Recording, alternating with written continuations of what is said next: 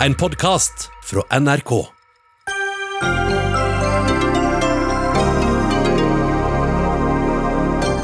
Kan skatteletten for oljenæringa redde tusenvis av arbeidsplasser, eller er det bare milliarder eh, kroner som samfunnet aldri vil få igjen? Politikerne kommer rett fra forhandlinger på Stortinget til Dagsnytt 18. Frustrasjonen sprer seg i AUF etter Moderpartiets ja til oljeskattelette. Ungdomspartileder møter Jonas Gahr Støre til duell. Ikea tilbyr kundene sine bæreposer i regnbuens farger i pride-måneden juni. Dobbeltmoralsk rosavasking, mener kommentator. Og 40 helsearbeidere i karantene etter demonstrasjon mot rasisme og politivold. Frp vil at alle som deltok, skal i karantene.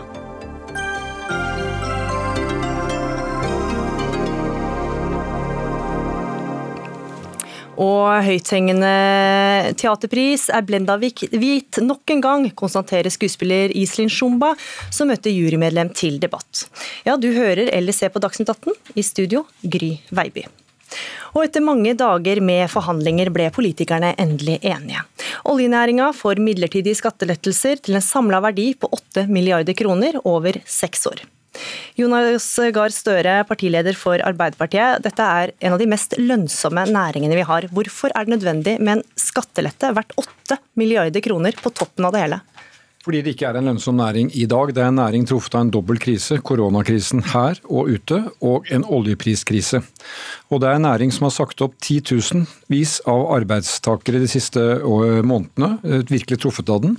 Og nå gjør norsk politikk et kraftgrep for å ikke bruke skattepenger, men å utsette skatteinnbetalinger, slik at næringen kan investere i prosjekter som den allerede har på tegnebordet.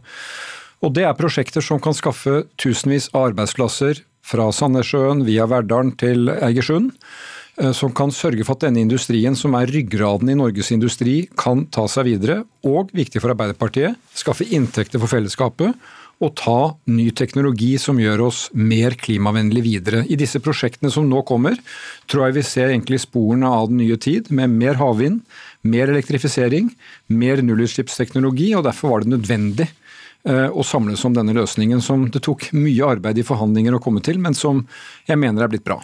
Kari Elisabeth Kaski, finanspolitisk talsperson for SV. Dere brøt ut av forhandlingene 3.6. Hvorfor kunne ikke dere være med på dette? Nei, Allerede da så, så vi jo konturene av at vi kom til å få en eh, avtale her som i praksis er store skattekutt til oljeindustrien, der vi nærmest betaler oljeselskapene for å hente opp olje uten garantier på at det kommer til å skape arbeidsplasser og aktivitet i Norge. Eh, og Jeg må si jeg er bekymra når du ser totaliteten her. fordi her velger vi altså å bruke ganske store summer på, på, en bransje som vi vet må få lavere aktivitet i årene framover, i stedet for å bruke de store summene på å skape aktivitet i leverandørindustrien for framtida og gi de klare oppdrag innenfor nettopp havvind, hydrogen, karbonfangst osv. Mm. Ja, Jonas Gahr Støre, på pressekonferansen i dag så sa at endringa kan ha sikret titusenvis av arbeidsplasser. Hvordan kan du si det? Hvordan vet du det? Det er basert på grundig samtale rundt industrien i Norge. Jeg har reist i den industrien, jeg har møtt den. Vi vet jo ganske godt hvilke prosjekter som har vært eh, under oppseiling, som er utredet. Og summen av det som kalles engineering, forberedelse, tilrettelegging og så igangsetting, det som treffer leverandørindustrien, det er jo den viktige delen her. Oljeselskapene er én ting, men hele underskogen av bedrifter. Men hva med de grønne arbeidsplassene, da? Jo, men Her er det overgangen til de grønne arbeidsplassene. Når man nå skal elektrifisere på sokkelen, når man nå skal bruke havvind til å drive store plattformer, når man nå skal legge til rette for nullutslipps eh, sjøfart rundt om disse plattformene, så er det veien over til de grønne arbeidsplassene. Så jeg kan bare si det sånn at hvis vi ikke hadde handlet nå, denne industrien hadde knukket ryggen, så kan vi godt snakke om klima, godt snakke om å kutte utslipp, men vi hadde ikke hatt industrien, fagarbeiderne og fagfolkene til å levere det. Og til deg, Kaski, altså hvordan skal det grønne skiftet finansieres da, hvis inntektene fra oljebransjen fases ut tidligere enn eh, planlagt? Vel, Vi kunne jo ha starta med å ikke bruke penger på en oljeindustri som, som, kommer til å ha lavere aktivitet i årene framover, men som nå står overfor en oljepris som ikke er så ulik den oljeprisen var før koronapandemien traff oss. Nå skal flertallet på Stortinget altså bruke 8 milliarder kroner i skattekutt til eh, oljeselskapene, uten klare garantier på at det gir aktivitet, og uten å få til omstilling. Og Det må være et tankekors for landbasert eh, og eksportrettet industri på land tenker jeg, at oljeindustrien her får så betydelig bedre skatteregime enn det annen industri har. Det vil suge ressurser til oljeindustrien i stedet for å sette fart på på nettopp på grønn omstilling og på grønn eh, industri, som vi kunne ha starta i dag. Det er ikke sånn at vi trenger å vente til slutten av det tiåret her på å få i gang havvind, hydrogeninfrastruktur, grønn skipsfart. Det kunne vi ha kommet i gang med nå. Vi skal gå til deg, Siv Jensen, partileder i Frp. Eh, dere vil ikke bare ha skattelette i særskatten for oljenæringa, dere vil også gi selskapene mindre selskapsskatt. Eh, har Frp gått med tap i denne saken? Fremskrittspartiets løsning eh, innebar en eh, ja, løsning som ville vært 8 milliarder kroner eh, billigere for staten. Men verdien av et bredt forlik betyr ganske mye. Og jeg må si at jeg reagerer på SV og Kaski sin fremstilling her. fordi de vil jo veldig gjerne bruke de pengene som denne industrien skaper. Det er jo milliardverdier som kommer inn i statskassen som følge av at vi har forutsigbare rammebetingelser. Så pengene vil SV gjerne ha men verdiskapingen som den genererer, vil de ikke ha. Og Det er jo ikke sånn at dette er en næring med spesielt gunstige skattebetingelser.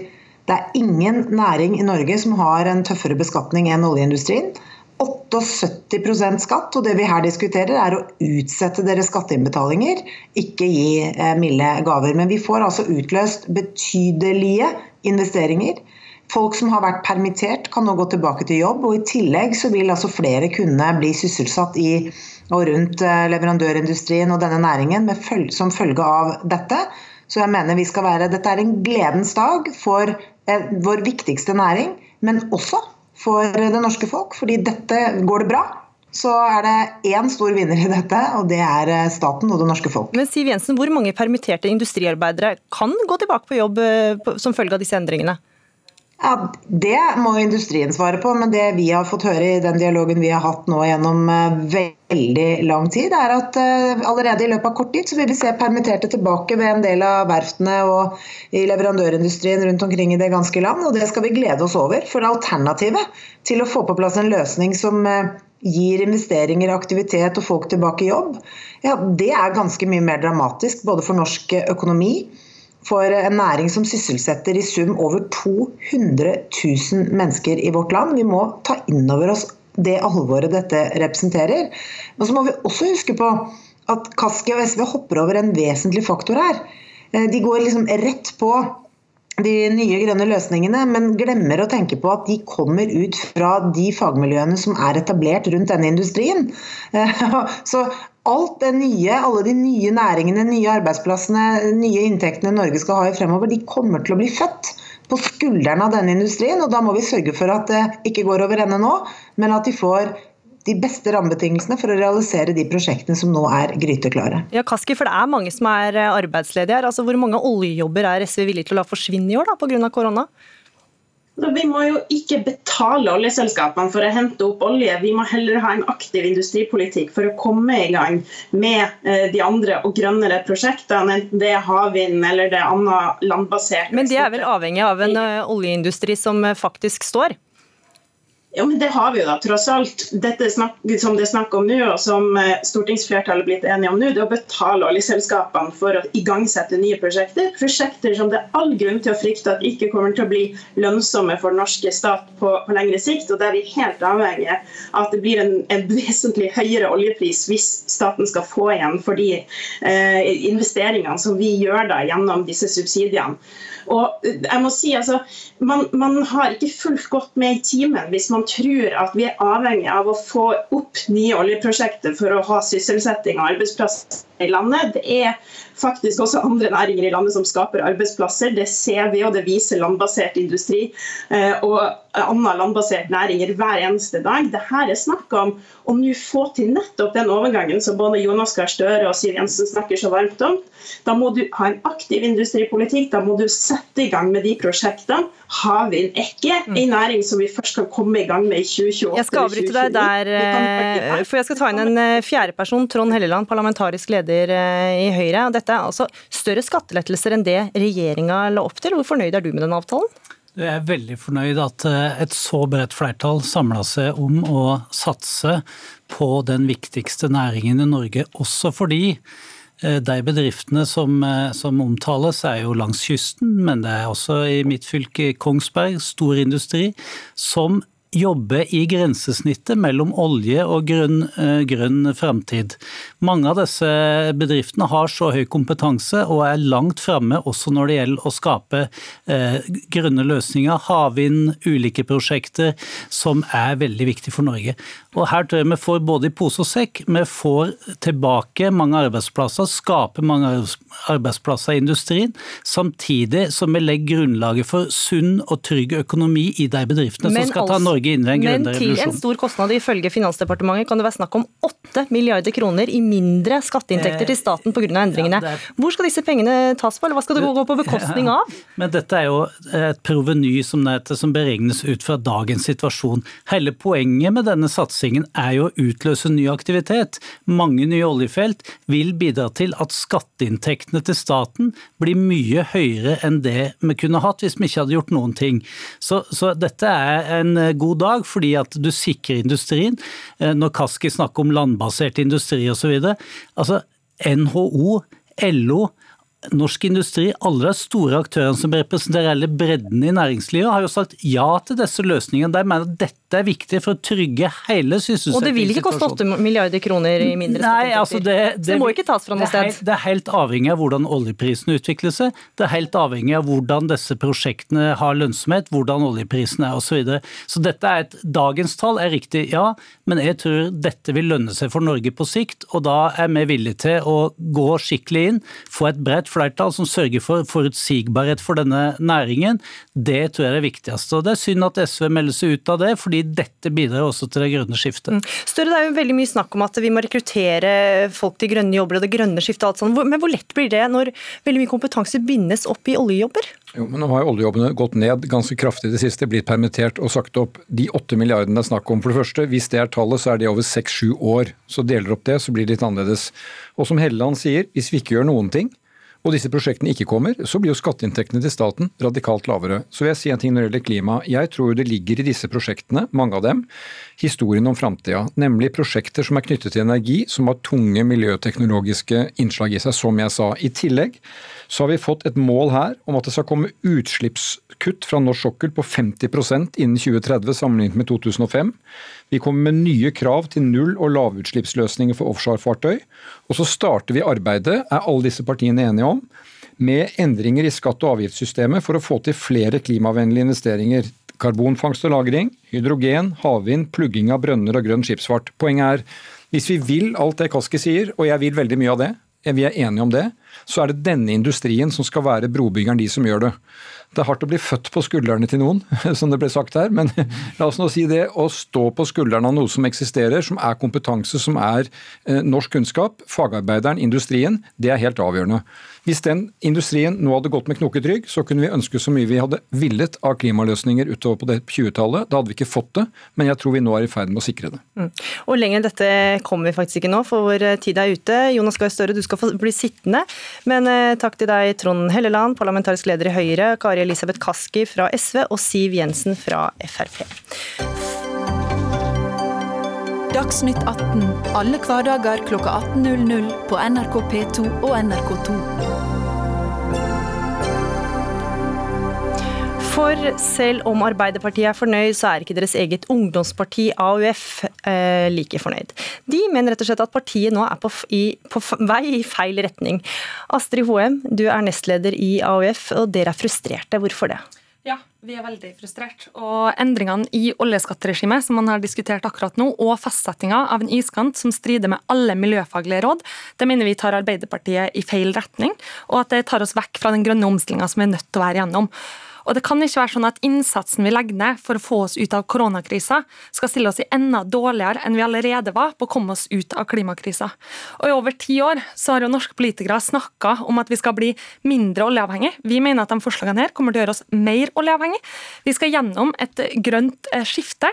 Og for min ungdomsgenerasjon, som har vært ute og streika i gatene, og som nå er dem som mister mange muligheter fordi at man står i den koronakrisa vi gjør, så er det også vi som kommer til å ha færre muligheter om ti ti år, hvis vi ikke planlegger for arbeidsplassene om 10-20-30 år, men heller tar den kortsiktige løsninga som gjelder arbeidsplasser her og nå. Mm. Ja, Jonas Gahr Støre, fortsatt leder i Arbeiderpartiet. Støtte altså til oljenæringa, det høres ikke veldig framoverlent ut? Jo, men for det første så deler jo jeg Astrids syn på hva vi må få til med klimaendring. Dette jobber vi med i Arbeiderpartiet i programprosessen, hvor vi sitter og jobber med det hver dag. Det vi har foreslått i dag, ville ingen snakket om i desember-januar, før dette traff. Da snakket vi om at veien videre for Norge er at vi skal kutte utslipp og skape jobber. Det er i denne industrien vi skal komme med nye krav, nye oppmuntringer til å få fram miljøvennlig teknologi. Til at unge mennesker kommer inn i gode jobber, lærlinger, faste stillinger. Så kommer koronakrisen og en internasjonal krise. Og da har vi et valg. Og da må klima på vent, eller? Nei, det, altså jeg sier at det er jo, i den forrige innslaget at jeg tror ikke det er å sette klima på vent. Jeg tror at dette er å få gjennomført prosjekter som vi allerede kjenner konturene av. Det er olje- og gassprosjekter, men med stort innslag av fornybar teknologi med havvind, med elektrifisering, som kommer til å bli lagt merke til i verden, som kan bli eksportprodukter, og som kan gi spennende jobber til unge mennesker. Så på den måten, hvis vi nå kan legge grunnlag med den industrien til å få hydrogensatsingen, f.eks. Arbeiderpartiet er i front på det, tydelig på den sirkulære økonomien, tydelig på elektrifisering ute på sokkelen, vel, da går vi klimaveien.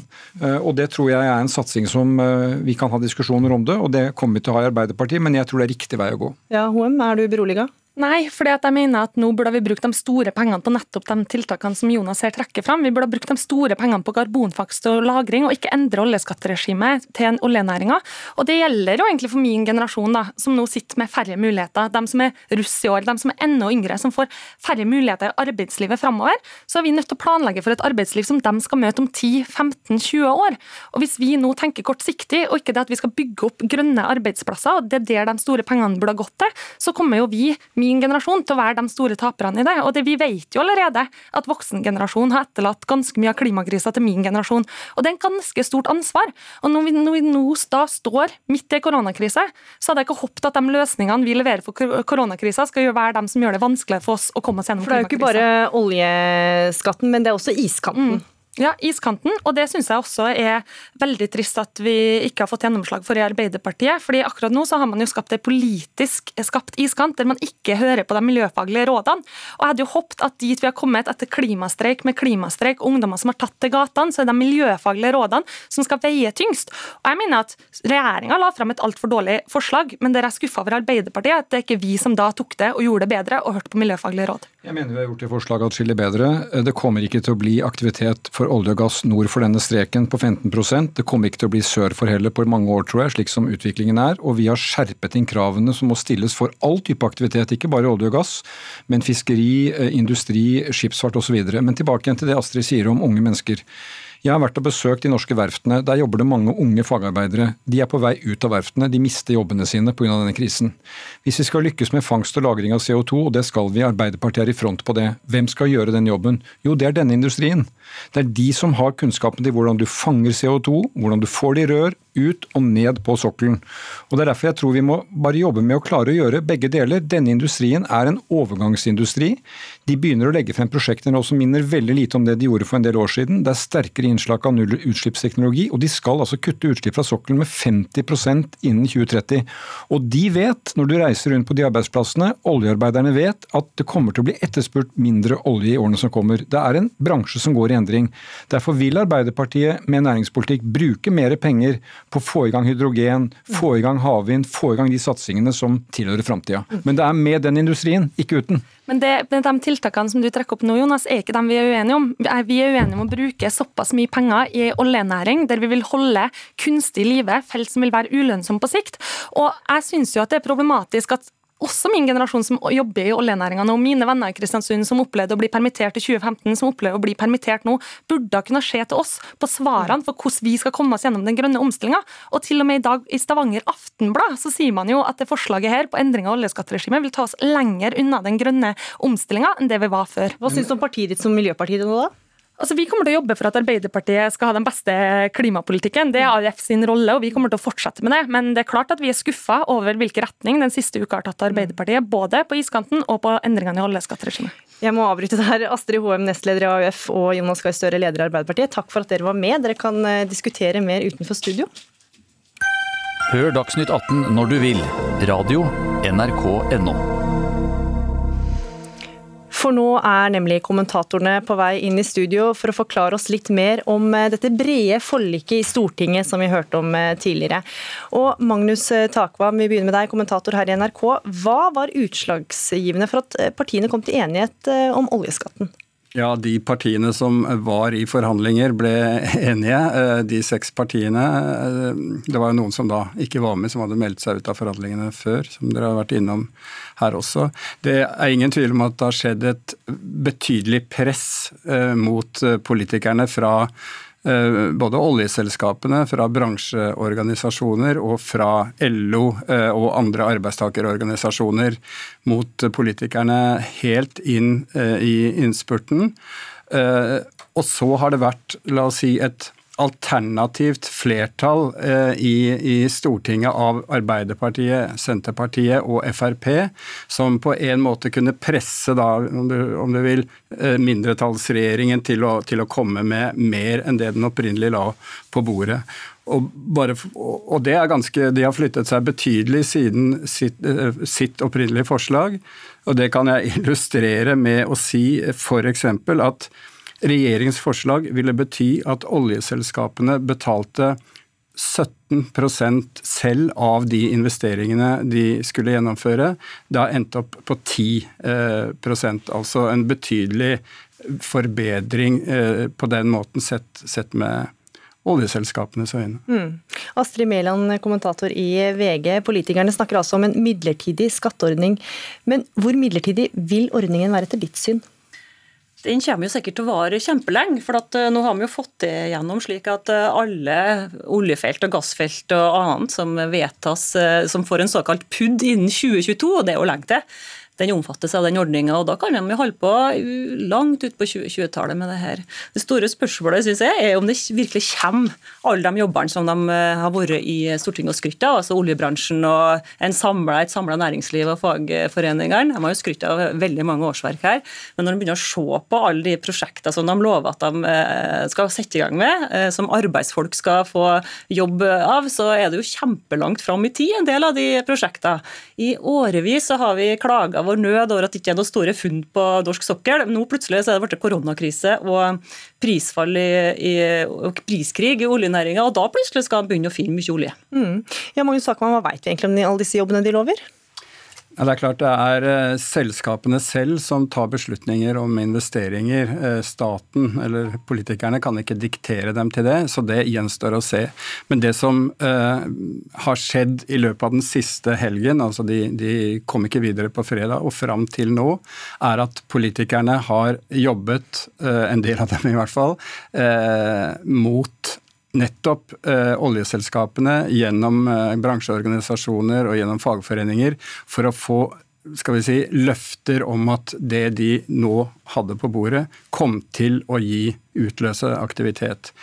Slik at eh, vi har sett uh, foreløpig mer pos altså positive reaksjoner fra LO og NHO i dag til det som, som lå der. Uh, og så er det en forskjell på altså Noen prosjekter har pga. den krisen vi er inne i nå, blitt utsatt. De lå på en måte i, i pipeline, men ble utsatt sånn som dette mye, et mye omtalt felt er Hod-feltet, som, som, antagelig da vil gi arbeidsplasser på Aker Verdal, som har, ikke har ordrebøker fulle etter eh, neste sommer.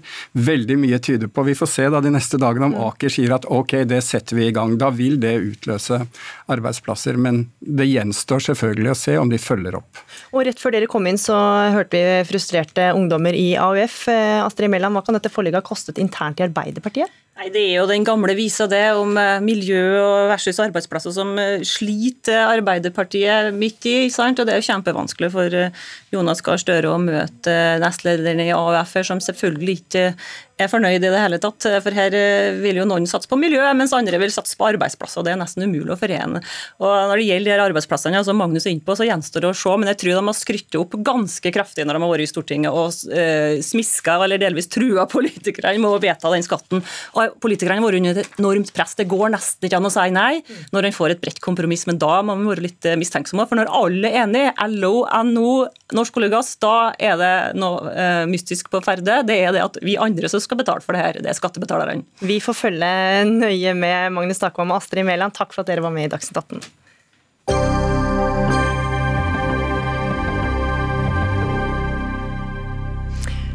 Juni er pride-måned, og flere butikker selger regnbuefarga produkter. Dobbeltmoralsk rosavasking, mener kritiker, som er på vei til Dagsnytt 18. Men først så skal vi til demonstrasjonene som ble holdt i flere norske byer etter at amerikanske George Floyd døde etter å ha blitt pågrepet av politiet i Minneapolis. Ansatte i eh, Obos var med på demonstrasjonene, og de blir av smittevernhensyn nå bedt om å holde seg hjemme fra jobb de neste ti dagene. Obos-ledelsen reagerte da de så hvor omfattende demonstrasjonene i Oslo ble, og Daniel eh, Sirai, du er konsernsjef i Obos. Hvorfor har dere valgt å holde, altså oppfordre ansatte som var på demonstrasjonene om å holde seg hjemme? Dette handler om å ta vare på sikkerheten og helsa til de som jobber i Obos, ta vare på alle. Eh, vi anerkjenner de som å følge sin egen samvittighet og delta i det. Det er en viktig sak de har demonstrert for.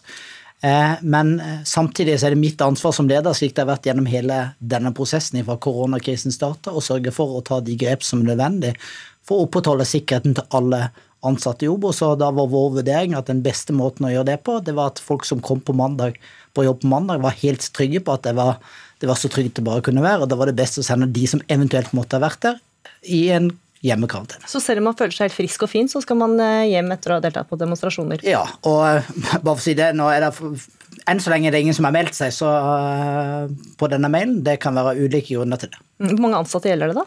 Nei, det gjelder jo i prinsippet alle våre 2600 ansatte i Norge og Sverige. Mm.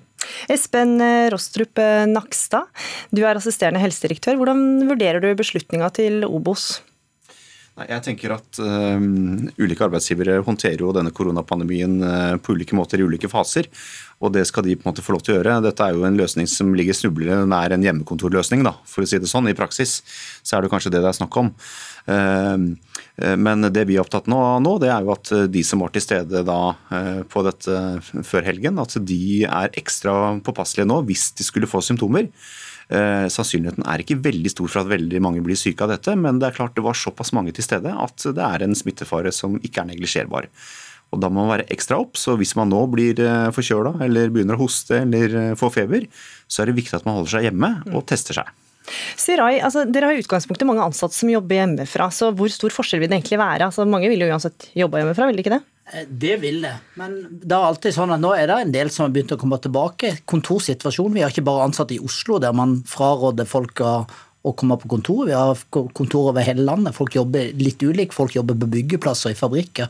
Og Dermed som er nødt til å gjøre de grepene. Da står man noen ganger litt tettere enn man ellers ville gjort. og Da er det viktig for oss å ha en felles policy, tydelig. fordi folk etterlyser våre ansatte hele tida satt pris på å få tydelige beskjeder som ta vare på deres sikkerhet, og det valgte vi å gjøre her også. At Tydelighet er bedre enn uklarhet. Men Syns du ikke det er ganske tydelig nok fra Nakstad, da? Hvis du føler deg dårlig, så hold deg hjemme? Jo, og Nakstad har gitt gode og tydelige råd uh, ut ifra sin rolle. og Samtidig så har det vært viktig for oss å ligge litt uh, foran kurven. Det har vi gjort gjennom hele krisa. Prøvd å være heller litt for forsiktige, og det har gjort at vi har klart å unngå smitte på arbeidsplassen. Mm. Eh, Nakstad, I Stavanger så var det også mange som deltok i demonstrasjonene. og Kommunen har nå valgt å si at ansatte i eldreomsorgen som deltok, må holde seg hjemme fra jobb. Fylkeslegen har nå satt 40 helsearbeidere i karantene. Er det mot din anbefaling? Nei, Dette er jo det som er kommunens oppgave, nemlig å følge med på smittevernsituasjonen. og Smittevernoverlegen i kommunen har ansvar for å følge med på sånne ting, og komme med råd og også tiltak eh, hvis det er nødvendig. Og på, eh, I kommunene så har man stor makt i forhold til smittevernloven også, eh, hvis det er nødvendig. Så, så det er en kommunal oppgave. Men, men hvor, det er ganske lite smitte i samfunnet nå, så hvor nødvendig er det egentlig? Ja, Det er en vurdering man må gjøre i den enkelte kommune. Det er klart det er mye mindre smitte nå enn det var på det meste. Eh, men det er fortsatt en del smitte som registreres hver dag, ikke minst i Oslo. Og Da blir det en vurdering av hvor man bor, hva slags risiko, altså hvor mange mennesker man er i kontakt med i løpet av en dag f.eks., hva man jobber med. Eh, og det er klart at eh, En ting som jeg ikke nevnte i stad, det er jo det at hvis man nå planlegger å besøke eldre mennesker for eksempel, etter å ha vært på denne demonstrasjonen, så er det f.eks. noe man kanskje skal vente et par uker med å gjøre. For å være på den sikre siden. Mm. Sirai, hva slags reaksjoner har du fått eh, over det hele, både fra ansatte og andre? 99% av reaksjonene har vært positive. Jeg fikk tilbakemelding fra tillitsvalgte fra fagforeningene i går bra med tydelige og klare beskjeder til, til, oss som jobber her. Det skaper trygghet og stolthet over å jobbe her. og det, Da tenker jeg det er den viktigste jobben min, å sørge for at folk på jobb opplever at de har det trygt. Mm. Men Nakstad, Hvor mye hjelper det egentlig om Obos holder sine ansatte inne? Obos er jo ikke en øy, holdt jeg på å si, de agerer jo i resten av samfunnet? Med tanke på smitte? Nei, Det kommer jo helt an på hvor mange fra Obos som deltok i den demonstrasjonen, og det vet vel eh, ingen av oss antagelig. Så, så, men det er klart, um, innenfor ulike yrker så har man hatt litt ulik tilnærming til dette med korona, og mange har gått lenger enn det som har vært anbefalingen også når det gjelder smittevernråd. Eh, og Det er på en måte ikke noe galt i seg selv, det, men, men det er en vurdering man må ta på den enkelte arbeidsplass også. Mm. Nakstad, du skal få bli sittende. Daniel Serai, konsernsjef i Obos, du skal få gå, for vi skal få inn noen eh, andre gjester. Og det skal fortsatt handle om eh, helgas demonstrasjoner. For Fremskrittspartiet er svært kritisk og krever at samtlige som deltok eh, i demonstrasjoner, skal gå i 14 dagers karantene. Og Jon Engen Helgheim, du er stortingsrepresentant for Fremskrittspartiet. Hvorfor vil dere ha en så streng reaksjon? Ja, det syns jeg er helt naturlig, etter at uh, helsemyndighetene var jo ute og advarte ganske kraftig mot at uh, her kunne det være supersmittespredere, og dette kunne potensielt være en stor risiko. Eh, og Hvis vi sammenligner med de andre strenge tiltakene vi har, sånn som f.eks. at hvis du eh, krysser grensa til Sverige uten å engang ha vært i kontakt med noen, så må du i karantene, eh, så tror jeg det er enkelt å forstå for de aller fleste at det er en langt større risiko ved å stå som sild i tønne ved en demonstrasjon i byen enn veldig mange andre ting som fører til karantene. Jeg har stor tillit til helsemyndighetene, syns de har gjort en veldig god jobb fram til nå.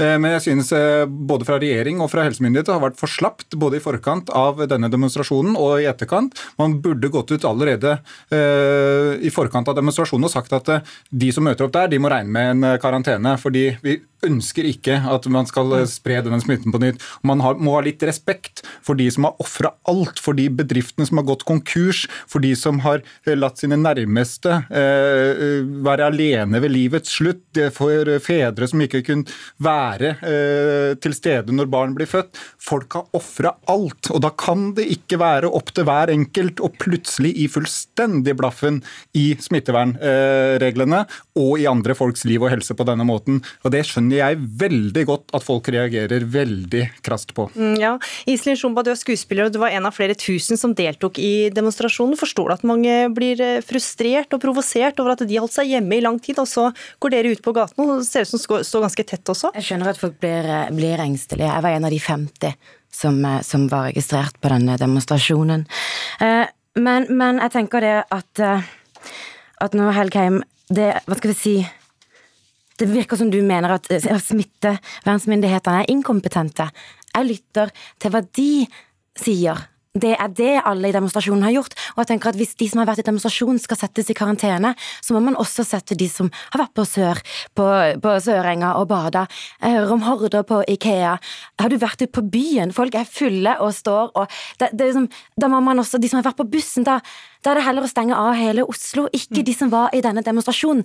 Det var så ekstremt mye fokus. Du var ikke på den demonstrasjonen. Fokuset lå på smittevern. Alle hadde på seg munnbind. nettopp for å ikke smitte. Det stinka av sprit fordi vi hadde antibac. Det var smittevern som sto i fokus. Uh, og det, hvis, du, hvis, du, på en måte var i risikogruppen, eller om du hadde uh, folk ble, Den ble jo så godt som avlyst i forkant, men det er noe med det å, å, se på hva det er vi demonstrerer for. Det er det vi må snakke om, og vi kan ikke det. er Også media her. Vi kan ikke gjøre en så viktig sak jeg tenker liksom, den, Jeg skal ikke beskylde deg for noe, men det er Nå bruker du frykten for smittevern mm.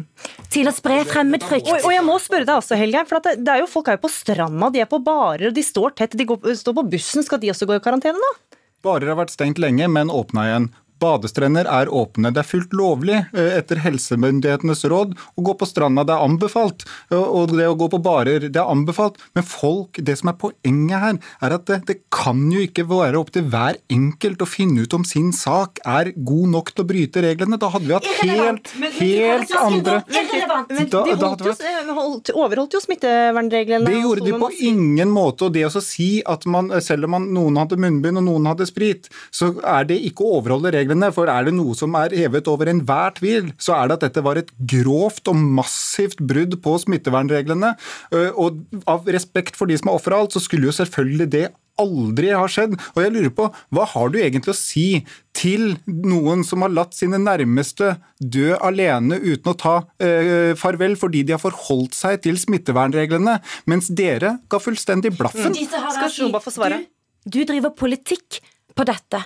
Du ja, sanker stemmer ja, men du mm. stemmer på dette. Og du veit nå Hva skal vi si? Du vet, du ser eh, de unge, du ser hva de kjemper for. Hvorfor er eh, smittevern viktigere enn menneskeverd? Ja, men Hvem har sagt det? Tror du at det ikke har noe med menneskeverd å gjøre, når folk i solidaritet med de som er i risikogruppen, har holdt seg hjemme og ofra alt? Men det har jo disse, disse ungdommene som var på den demonstrasjonen, de har jo gjort det. De ga blaffen. Nei, de ga ikke blaffen. De ga blaffen. De ga ikke blaffen. De hadde på seg munnbind. Og de var fullt klar over. Og de tok forhåndsregler. De ga ikke blaffen. Ja, hvordan kan du vite at de ga blaffen, Helgen? Du var jo ikke der. Når man bryter... Det var en fullstendig fredelig demonstrasjon. La Helgen få svare. Vi gikk i tog. Vi gikk og demonstrerte med avstand. Mm. De ga ikke blaffen. Når man går ut mot eh, myndighetenes råd og bryter smittevernreglene på det groveste, sånn som dette her var, så gir man jo blaffen i det alle vi andre har forholdt oss til. Men så sier jo jurister at retten til å ytre seg står over eh, smittevernet, og eh, tometersregelen var jo opphevet? Man, det er helt på det rene at dette var et brudd på smittevernreglene. Det kan vi ikke diskutere. Det er, det er hevet over enhver tvil, og det innrømmer jo de aller fleste som var der også. Men de, alle andre har forholdt seg til disse reglene. Eh, og eh, ytringsfriheten, ja, den står kjempehøyt. Og det er veldig mange nå som av solidaritet med de som er i risikogruppen, for å spare liv og helse, har avstått fra å delta i demonstrasjoner, avstått fra å gå i 17. mai-tog. Hva sa du? Hva burde de heller gjort? Man eh, burde gjort som alle andre, finne alternative måter å gjøre det på.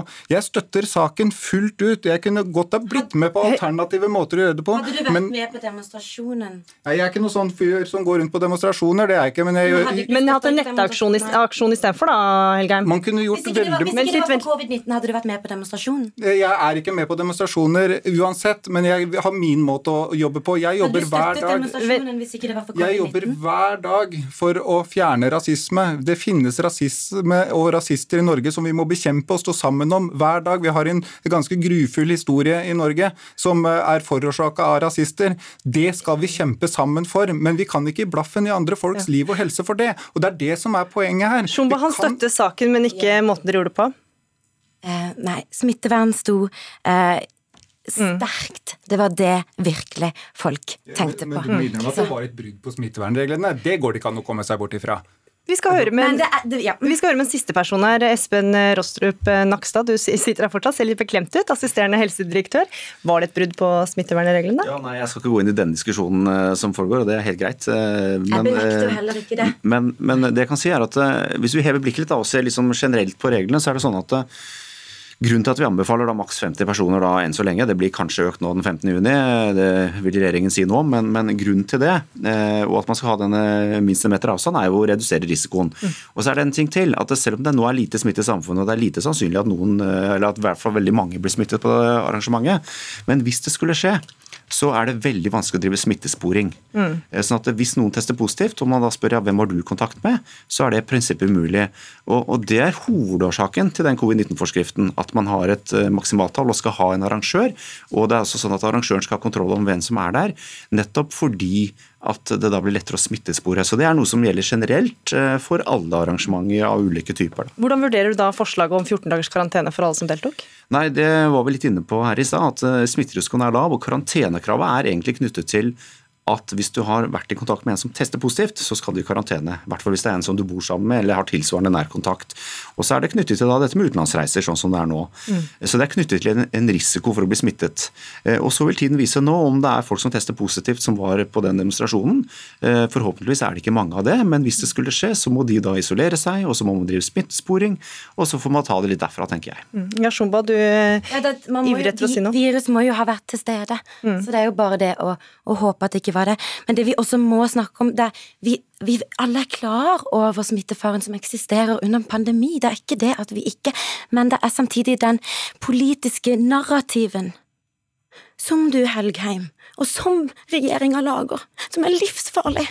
Den er livsfarlig, fordi man, hvis smitten blusser opp, og det kan den gjøre, og det vet vi om, men da er det også disse strendene, og det er utestedene, og det er Ikea som jeg nevner. Det er ikke den demonstrasjonen, og det narrativet dere nå lager med å legge skylden på denne demonstrasjonen, det er en ekstremt farlig et farlig narrativ. Det er en farlig retorikk å skylde på de som veldig mange av de som var der, som er mangfoldige nordmenn. Det er veldig farlig.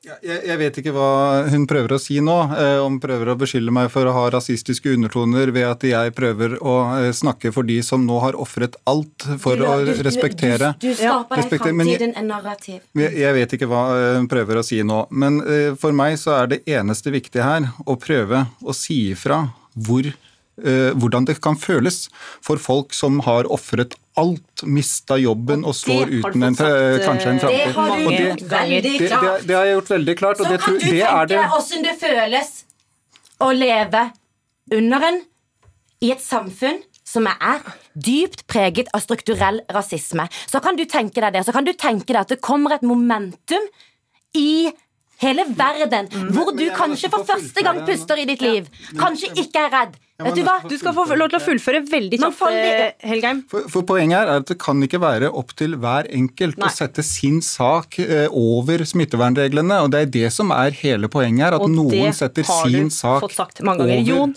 Engen Helgheim, stortingsrepresentant fra Frp, Iselin Sjomba, skuespiller, og Espen Rostrup Nakstad, takk for at dere var med. Tusen takk. Hør Dagsnytt 18 når du vil. Radio NRK Radio.nrk.no.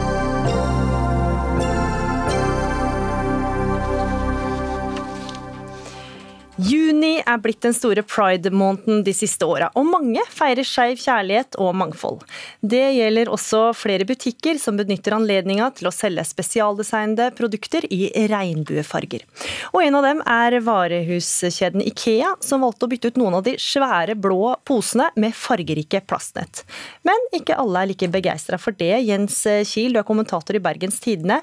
Du er en av dem eh, som rynker litt på nesa dette fenomenet som kalles pink pinkwashing eller rosavasking. Hvorfor blir det så feil når store kjeder som Ikea prøver å selge regnbuefarga produkter?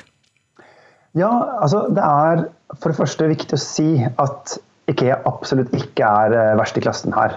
Eh, det finnes eksempler, f.eks. Eh, Adidas, som har hatt en pride-kolleksjon samtidig som de har vært hovedsponsor for fotball-VM for herrer i Russland. Det jo, er jo litt styggere enn Ikea, som har en gjør mye bra for mangfold eh, i sin bedrift. Mm, men hvorfor blir det allikevel feil da når Ikea gjør det? Det er tre, tre spørsmål som blir stående igjen.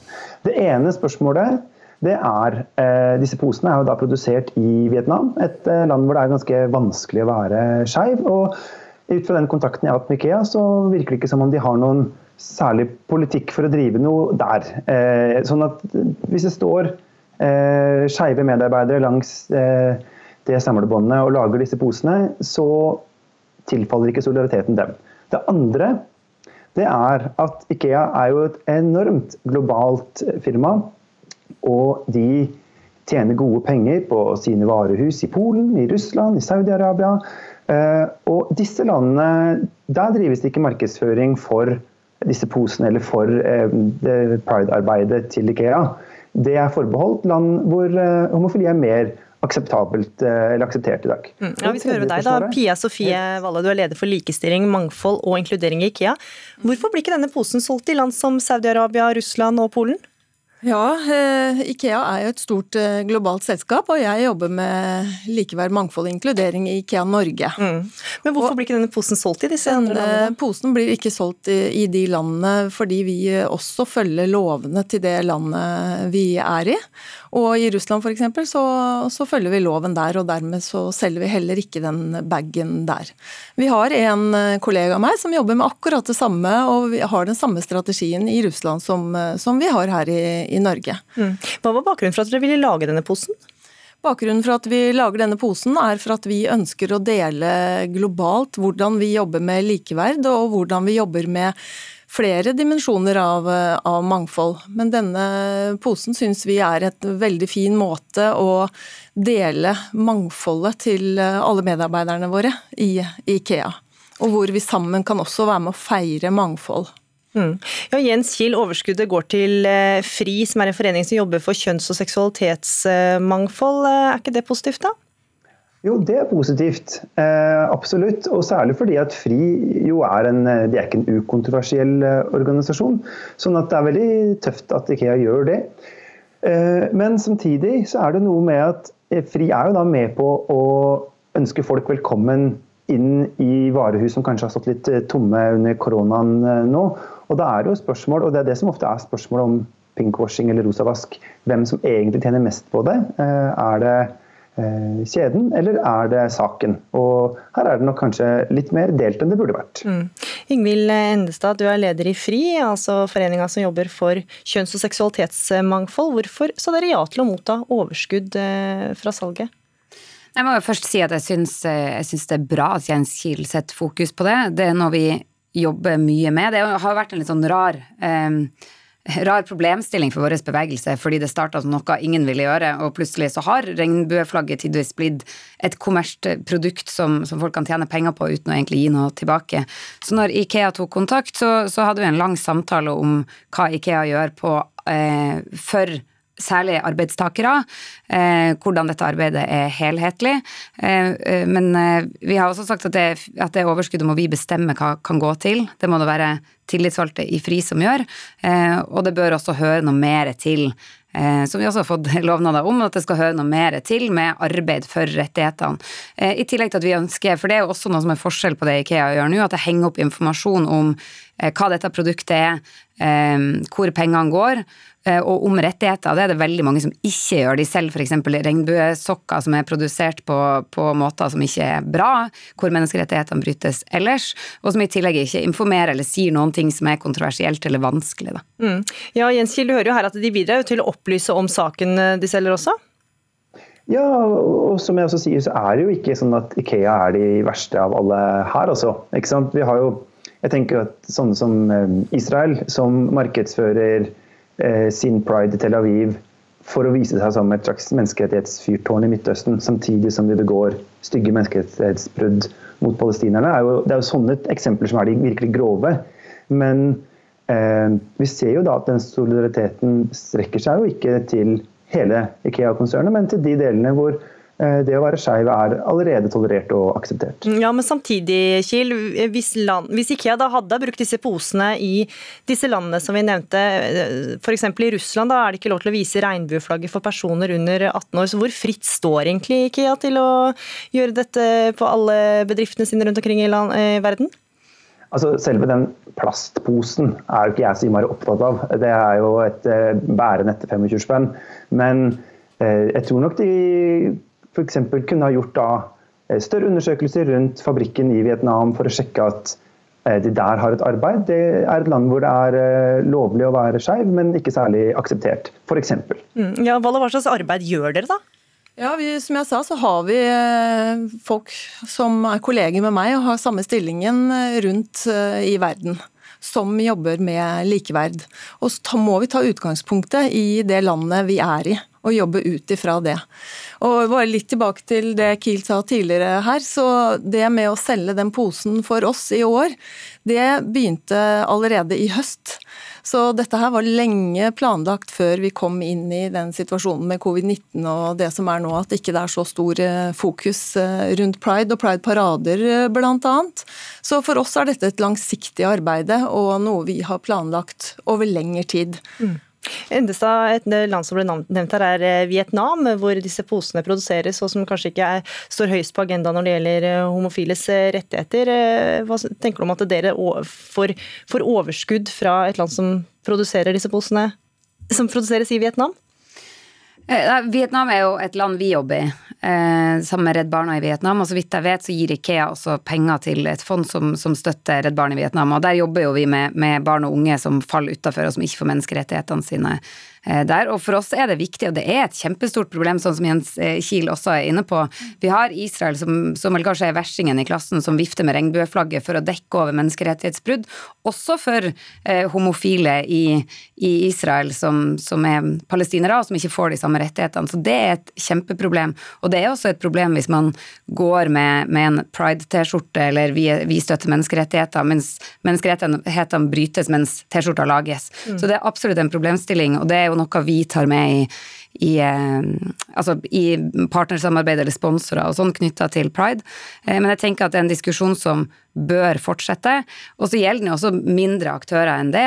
Eh, det handler om at må, man må vite at regnbueflagget ikke er Altså det er veldig veldig farlig å bære det mange steder i landet. Det koster å bære det. Det bør være meninger bak de ordene å bruke det, og man bør tenke på hvor pengene går til. Og så er det også, fordi når vi reiser rundt i verden, som, som homofil eller som transperson, og så leter vi etter det flagget for å vite hvor vi kan være trygge. Og da det, eh, kan det også være ekstremt farlig hvis noen inviterer deg inn til et hotell med et regnbueflagg, og det ikke er trygt å være der. Mm. Så man skal vite hva man gjør når man bruker det, men vi er ekstremt glad som minoritet for å ha allierte, for det er vi helt avhengig av. Mm. Kiel, kommer du til å kjøpe posen fra Ikea, eller? Nei, Jeg tror kanskje at eh, liksom mer plastugler er ikke det dette hjemmet trenger. Men eh, som sagt, Ikea gjør også mye bra. Eh, og så håper jeg at eh, de delene av Ikeas konsern som i dag ikke får være med i den skeive solidariteten, kanskje får være det i framtida. Mm. Lederen for likestilling, mangfold og inkludering i Ikea, Pia Sofie Valle, sitter i hvert fall her og nikker i studio. Takk for at du var med. Takk også til deg, Ingvild Endestad, leder i FRI, og Jens Kiel, kommentator i Bergens Tidende.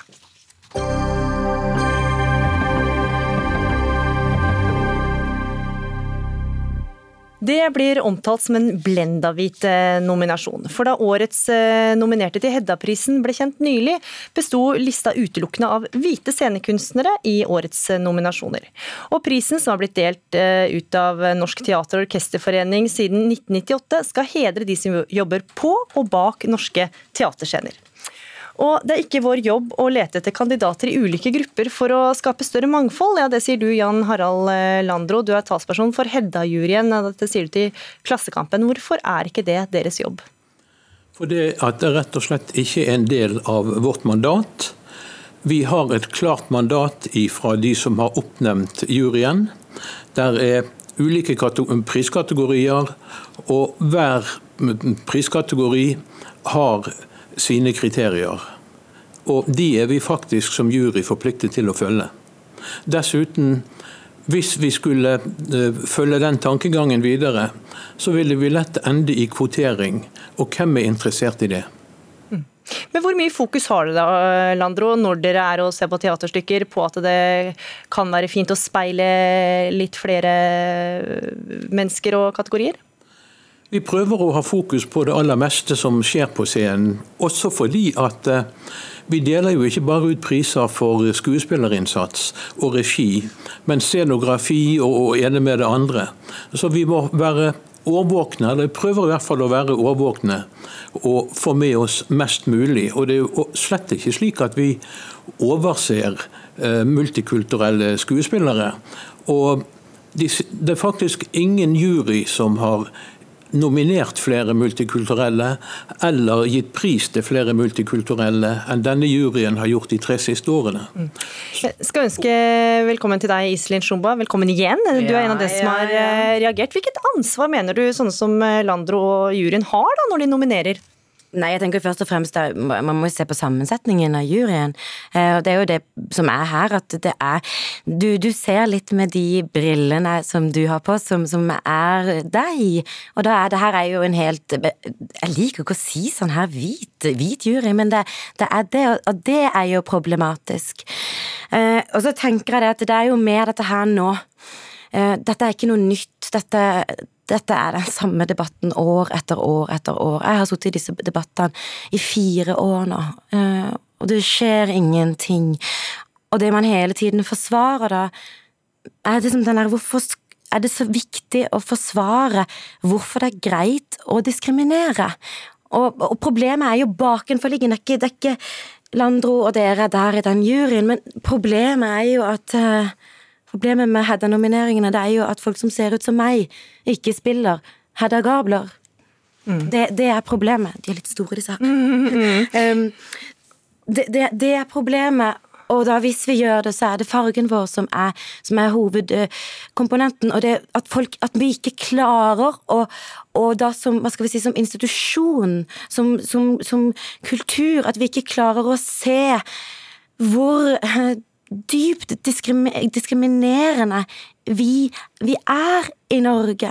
Og, og, det at liksom, hva skal jeg si Mangfoldige nordmenn må få spille komplekse. Men, men nå, snakker du, ja. nå, snakker du, om jo, men, store samfunnsproblemet. Ja, det, men, men, men juryens, uh, hva, juryens, ansvar, hvilket ansvar har de? Uh, de skal ikke kvotere, det skal en jury aldri gjøre. Men de skal med en gang se på seg selv når de er utnevnt, og se at hvis vi er en fullstendig homogen gruppe, så har vi en, en slags kvalitet på teatret som vi liker. Vi, kanskje det andre liker vi ikke så godt. Da må man begynne allerede der. Man må jo forebygge, man må være smart. Man må være i 2020. Man må være en del av samfunnet. Hvis ikke så sørger en jo for å bli fullstendig irrelevant. Mm. Ja, Landro, hva tenker du da? Dere er jo en helhvit eh, jury. Har du tenkt å gi plassen din til noen andre for å få speile befolkningen bedre? Ja, Det er ikke noe problem. og Jeg vil altså da minne om at uh, juryen ikke selv rekrutterer. Den blir, blir oppnevnt av Hedda-komiteen som oppnevner juryen. Mm. Ja da, men eh, og det er klart, altså om du bare endrer én person i juryen, eller bytter ut, så vil juryen eh, se annerledes. Vi er sju mennesker i denne juryen, og ingen har identisk syn. Men det er altså òg slik at det har vært juryer med representanter for eh, de flerkulturelle, uten at det har gitt nevneverdig utslag på nominering og pristildeling. Så dette er ikke fullt så enkelt som noen vil ha det til. Mm. Det, det, er ikke det jeg sier. Jeg prøver jo nettopp å løfte det og si det at Problemet er at vi ikke slipper til på scenen. Problemet hvordan i alle verdens dager skal vi bli nominert til årets skuespiller hvis vi ikke i det hele tatt får rollene? Og Det er jo der jeg tenker, og det er jo der man må se på den som jeg vil si, dette her er en, dette er en diskriminerende, det er en kulturell, det er en rasistisk forbrytelse som skjer rett foran øynene på oss. Og den har pågått, den har pågått i årtier. Og det fortsetter og det fortsetter, og det må stoppe. Hva skal jeg si, da?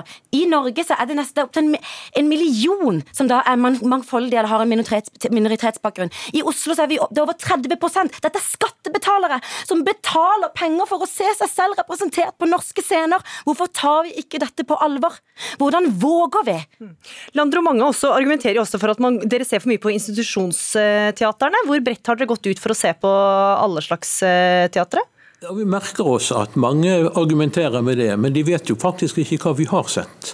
Fordi vi går svært bredt ut, og det vil fremgå av nominasjoner og pristildelinger år etter år at eh, friteatergruppene er godt representert. Vi prøver å nå ut så langt vi kan, men vi er som sagt bare sju, og det er grenser for hva vi kan eh, nå over på ubetalt fritid. Mm. Bort, bortimot ubetalt, i alle fall. Og jeg må bare si at Vi har vært i kontakt med Hedda-komiteen, som altså utnevner juryen. og De sier at de også framover ser etter jurymedlemmer med faglig tyngde, uavhengighet, bredde og representativitet. Hvor godt syns du det er gjort det så langt, Shumba? Vi må bli veldig veldig mye bedre. Ja, men det er hele bransjen. Og vi må ta oss selv i nakken, og så må vi se på oss selv, og så må vi ta oss selv på alvor og skjønne at vi er i 2020. Og så må vi se oss rundt i samfunnet. Landro, kan du bidra til det, eller? Om jeg kan bidra til det? Mm. Som jurymedlem, du har mye makt. Ja. Jo, men altså, vi, vi, vi, har faktisk prøvd hele tiden, alle disse tre årene jeg har sittet i juryen, i alle fall, og sikkert de før meg òg, å se bredt. Og som sagt, Vi har både nominert og priset folk med en flerkulturell bakgrunn, så vi er ikke blinde. Og Hedda-prisen, Den blendavita Hedda-prisen altså deles ut søndag 13.9 på Det Norske Teatret. Iselin Sjomba, skuespiller, takk for at du var med. Jan Harald Landro, talsperson for Hedda-juryen, takk for at du var med. Dagsnytt 18 er nå ved veis ende. Ansvarlig for sendinga var Anne Katrine Førli. Det tekniske ansvaret hadde Ida Larald Brenna. Og her i studio, Gry Veiby.